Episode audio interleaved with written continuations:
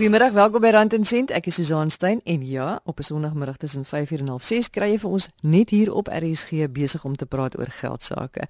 100 tot 104 FM in Suid-Afrika op jou radio, wêreldwyd op die internet www.rsg.co.za of die DStv kanaal 813. Desember maand. Ek kan nie glo dat die jaar so gevlieg het nie. Daar's nog 'n maand oor voor Kersfees en ons gaan 'n bietjie kyk hoe kan jy bespaar op Kersetes, op geskenke op vakansie op jou motor. Wat moet jy weet van kredietkaartbedrog? Uh, hoe lyk dinge in die wynbedryf? En vanmiddag gaan ons jou raad gee oor hoe om te spaar op jou Kersgeskenke. Ons gaan nou kyk na versteekte kostes asook reëls en regulasies van verskillende lande wanneer jy pakkies oorsee aanstuur vir familie of hulle vir jou of wanneer jy pakkies ontvang van aanlyn aankope wat jy gedoen het. Maar ons begin met raad oor hoe jy hierdie Desember kan voorkom dat jy 'n groot klomp skuld maak. Met al die verleidings in die winkels en al die geskenke wat jy moet koop, is dit baie maklik om te gebeur. En dan moet jy die nuwe jaar in die rooi en in die moeilikheid begin. Dit wil ons voorkom En om ons te help daarmee het ons vir Neil Daya in die ateljee geregistreerde skuldberader van Credit Balancing Services. Neil, ons het lanklaas gepraat. Uh, ek dink ons het jou hulp nodig hier oor die groot dae. Kort en kragtig, wat moet ons doen om in Desember goed na ons geld te kyk sodat ons nou nie in die skuld raak nie? Die eerste ding wat ek sal aanbeveel is om kontant te gebruik waar mens kan. Ek het 'n paar somme uitgewerk en wat mense moet onthou is dat as jy goed op rekening of op krediet wil koop en jy maak 'n nuwe rekening oop, dan gaan 'n fooi wees om daardie rekening oop te maak. Dan terwyl die rekening oop is, is daar ook maandelikse fooie wat jy gaan betaal. So dis nie net die rente waaraan 'n mens moet dink nie. So ek het uitgewerk as jy nou 'n rekening oopmaak en jy gebruik R1000 en jy koop dinge op daardie rekening en jy betaal daardie rekening oor 6 maande af. Aan die einde van daardie 6 maande het jy oor die 1400 terugbetaal. So dit bedoel dat jy eintlik 41% meer vir al jou goed betaal het as wat jy hoef te betaal het as jy kontant gebruik het. So ek sou definitief aanbeveel dat mense kontant gebruik as hulle kan. Neil, wat nog behalwe om kontant te gebruik? Wel vir die gelukkige luisteraars wat bonusse gekry het, sou ek sê jy moet vooruit beplan wat jy met daardie geld gaan doen. Dis maklik om te vergeet dat baie mense vroeg in Desember betaal word en dan net weer einde Januarie en dis 'n lang tydperk. So daardie geld moet verder strek as waaraan jy gewoond is. So beplan daarvoor. Dink ook aan die ekstra goed wat jy wil doen oor daardie feestyd. Gaan daar familie kom? Gaan julle uitgaan en braai? Gaan julle piknik hou? Daardie goed kos geld. Jy moet miskien hout koop vir die braai of jy moet ekstra kos koop en jy wil drankies koop en so voort en so voort. Sit die geld eenkant wanneer jy jou bonus kry as jy die bonus gekry het. Iets anders wat ek definitief sal aanbeveel, onthou dat na Kersfees daar baie uitverkopings is. Ja, jy moet jou Kersgeskenke koop en al daardie tipe dinge, maar as daar ander goed is wat jy gaan benodig, kan dit miskien wag tot na Kersfees wanneer die verkopings aan is en jy kan miskien baie laer pryse daarvoor betaal. Die ander ding waarvoor mense moet beplan is in die nuwe jaar gaan daar baie goed wees wat jy gaan benodig. Gaan jou kinders na 'n nuwe skool toe? Is daar nuwe uniforms wat hulle gaan benodig? Daar's die boeke, al daardie tipe dinge. So ja, dit is lekker om 'n bonus te kry en ons geniet dit almal om daai ekstra paar rande en sente in ons bankbalans te sien.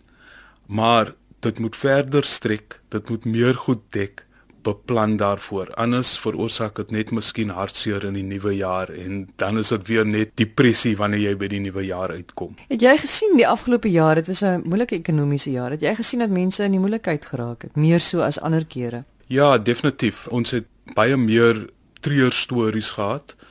Die syfers wat die nasionale kredietreguleerder uitgesaai het, het gewys dat daar baie mense is wat baie meer mense is wat krediet gebruik. En 'n ander ding wat ek gesien het is dat meer mense wag te lank voordat hulle 'n probleem erken en probeer regmaak, veral met skuld. So as 'n skuldberader is daar 'n punt waar ek hulle kan help, maar as dit te ver gaan, as daar nou 'n dagvaarding is, dan kan ek nie meer help nie. Of is moeiliker dat ek vir hulle kan help. Maar meer en meer men, ek het meer en meer sake gesien waar mense wag en wag en wag en hulle kom wanneer daar klare dagvaarding is of klaar regsaksie is na my toe. En hulle het die waarskuwings gekry voor die tyd. Hulle het al die briewe en die notisies gekry maar hulle wag net daardie bietjie te lank. En ek sou sê as jy weet daar's 'n probleem begin met om 'n oplossing te soek so gou moontlik Nou net weer om nou te kyk na Desember toe tot en met die einde van die jaar toe. Net uh jy weet as jy vir mense moet sê 'n soort okay ons het nog gesien jy moet ehm um, kontant betaal. Jy moet jou bonus spaar. Maar Neil mense het hard gewerk en jy dink ag nee, ek wil hom net een keer myself bietjie bederf. Ek wil hom my gesin 'n bietjie bederf. Wat is jou hulp aan ons? Dis heeltemal te verstaan en ja, die, ons weet dit was 'n lang moeilike jaar vir baie mense gewees. Maar as jy die volgende jaar ook nie 'n lang moeilike jaar wil maak nie, dan sal ek aanbeveel dat jy mooi met daardie geld werk. Ek sê nie dat jy niks moet koop nie of dat mense vir hulle self in 'n net in 'n kamer moet sit en niks doen nie, maar werk met 'n plan en maak net seker dat jy nie moeilikheid vir jouself in die toekoms maak met die spandering wat jy nou doen nie. Nee, ek wil sommer vroeg volgende jaar graag weer met jou praat asseblief en dan kyk ons na 'n begroting, jy weet en, en en hoe kan ons skuld voorkom en as jy dan nou skuld het, wat moet jy nou alles doen? Maar dankie intussen dat jy ingekom het. Dis Neil Daai, hy is 'n geregistreerde skuldberader van Credit Balancing Services.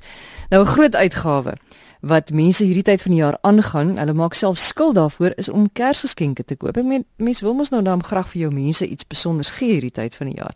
Maar Shelly Berg sê sy het idees hoe 'n mens nog steeds Kersgeskenke kan gee, maar wat net 'n bietjie meer ekonomies is wat jy darm 'n bietjie meer kan spaar. Sy is 'n vryskut stilis en sy doen ook self doen projekte vir verskillende publikasies onder meer tuistydskrif. Nou Shelly, wat is hierdie idees? Kom ons begin by geskenke vir groot mense. Vir groot mense kan jy kies wie koop vir wie sodat almal nie vir almal koop nie, veral as jy 'n groot Kersfees het waar daar baie familie en vriende is.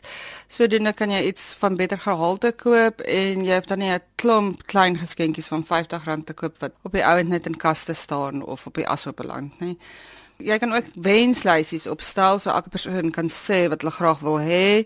Sodoende koop jy dan iets wat iemand wel wil hê in plaas van om net blindelings te koop en geld te mors.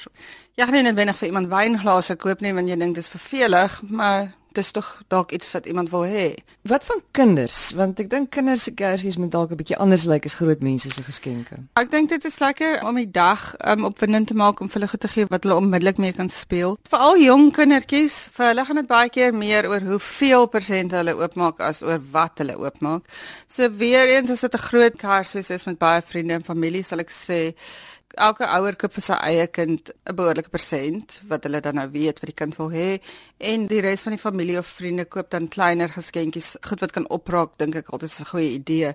Soos bubbles of sparkles of verf of dit sulke tipe goed wat jy nie op die einde vir ewig hoef te stoor nee en ook vir my baie goedkoop goed wat maklik kan breek want anders sit jy nou weer met daai klomp gebreekte goed en dit eindig net op die ashoop op die ou en dit is net geld mors ook 'n ander idee is wanneer jy dan 'n groter geskenk koop wat meer komponente het is om dit uit die oorspronklike verpakking te haal en dan in kleiner geskenke op te deel. Soos byvoorbeeld as jy 'n treinstelletjie koop, kan jy die spore, die lokomotief, die waans in verskillende pakkies opmaak en sodoende die klein kindjie dan meer goed om oop te maak want groot deel van die opwinding is oor hoeveel pakkies jy oopmaak, meer as wat daarin is. Baie mense hou daarvan om geskenke self te maak. Is dit nog 'n goeie idee? Wil mense selfgemaakte geskenke hê? Ja, ek dink self doen geskenke is definitief weer mode en daar's baie idees op internet wat jy kan naslaan om te sien wat mense kan maak.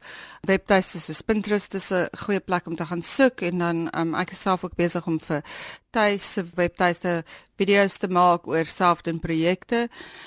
En dan as jy dit nou nog 'n bietjie verder wil vat, kan jy dan spesifiek projekte soek wat jy met herwinbare materiaal kan doen en sodoende spaar jy daarmee planeet ook 'n bietjie. En dit is ook goedkoper om herwinbare materiaal te gebruik in plaas van om uit te gaan om dan al die materiale wat jy nodig het te koop.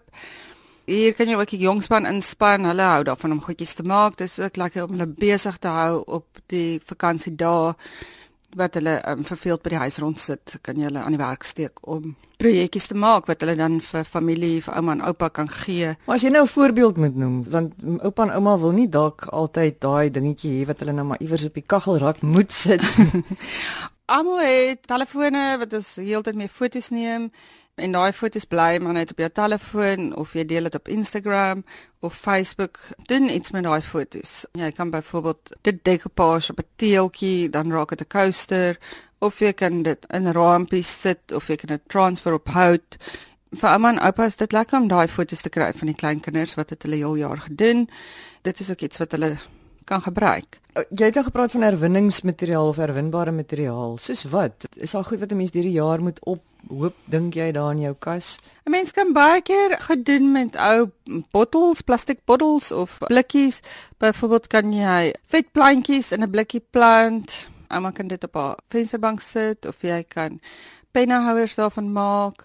Jy kan ook vertikale tuine maak met plastiek bottels wat jy onder mekaar ophang.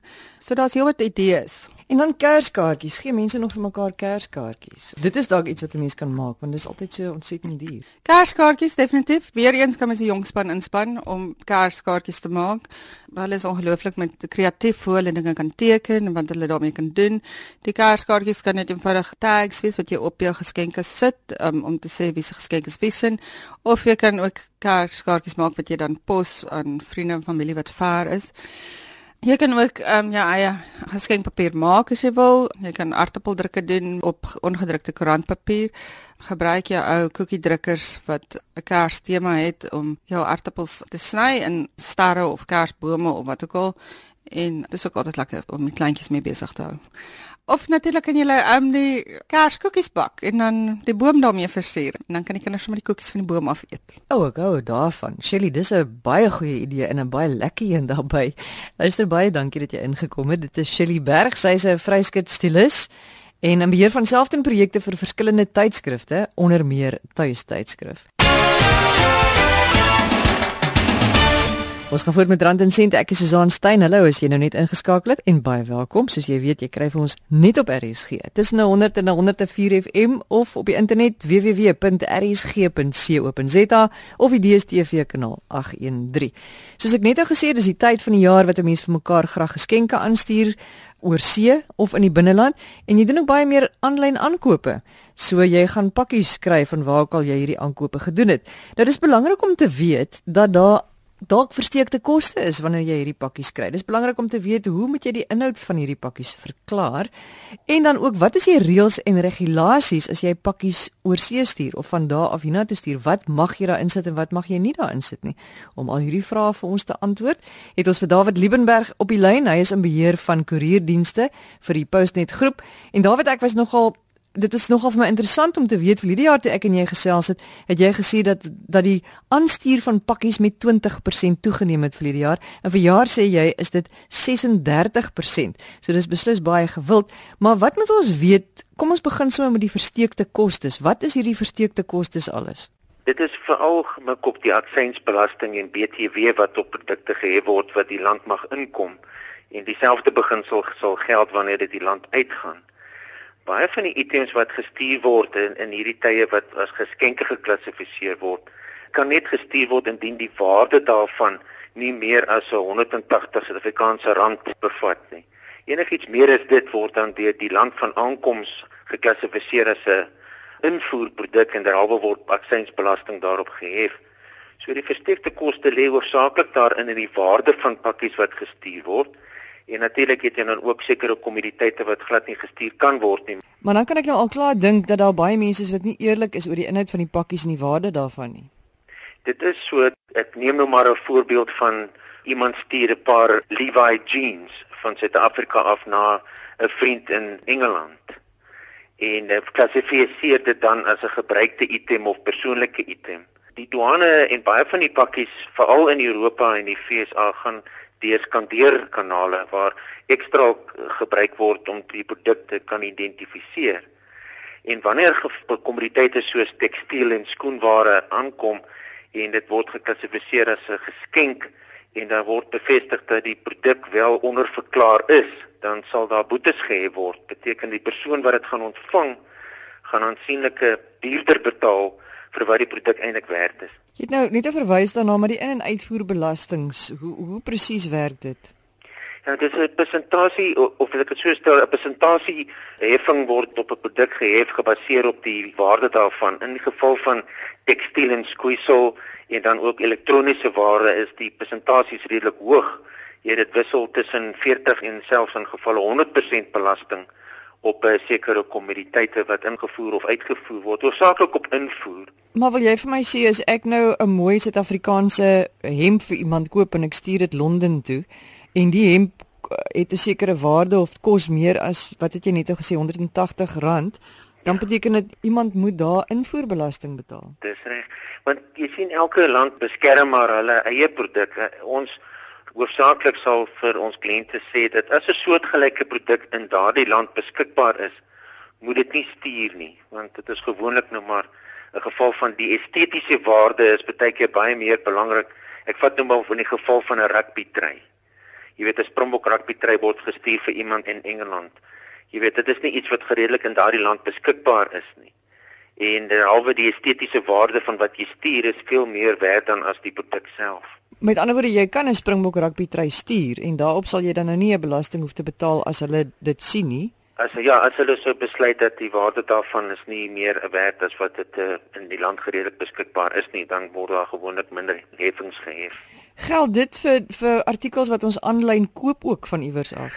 Dit is so en dis waar ons ook baie keer vir kliënte laat weet dat die koopprys van die produk wat jy byvoorbeeld van Amazon af inbring, sal wel deur die Suid-Afrikaanse douane belasting opgehef word. So wees net bewus daarvan.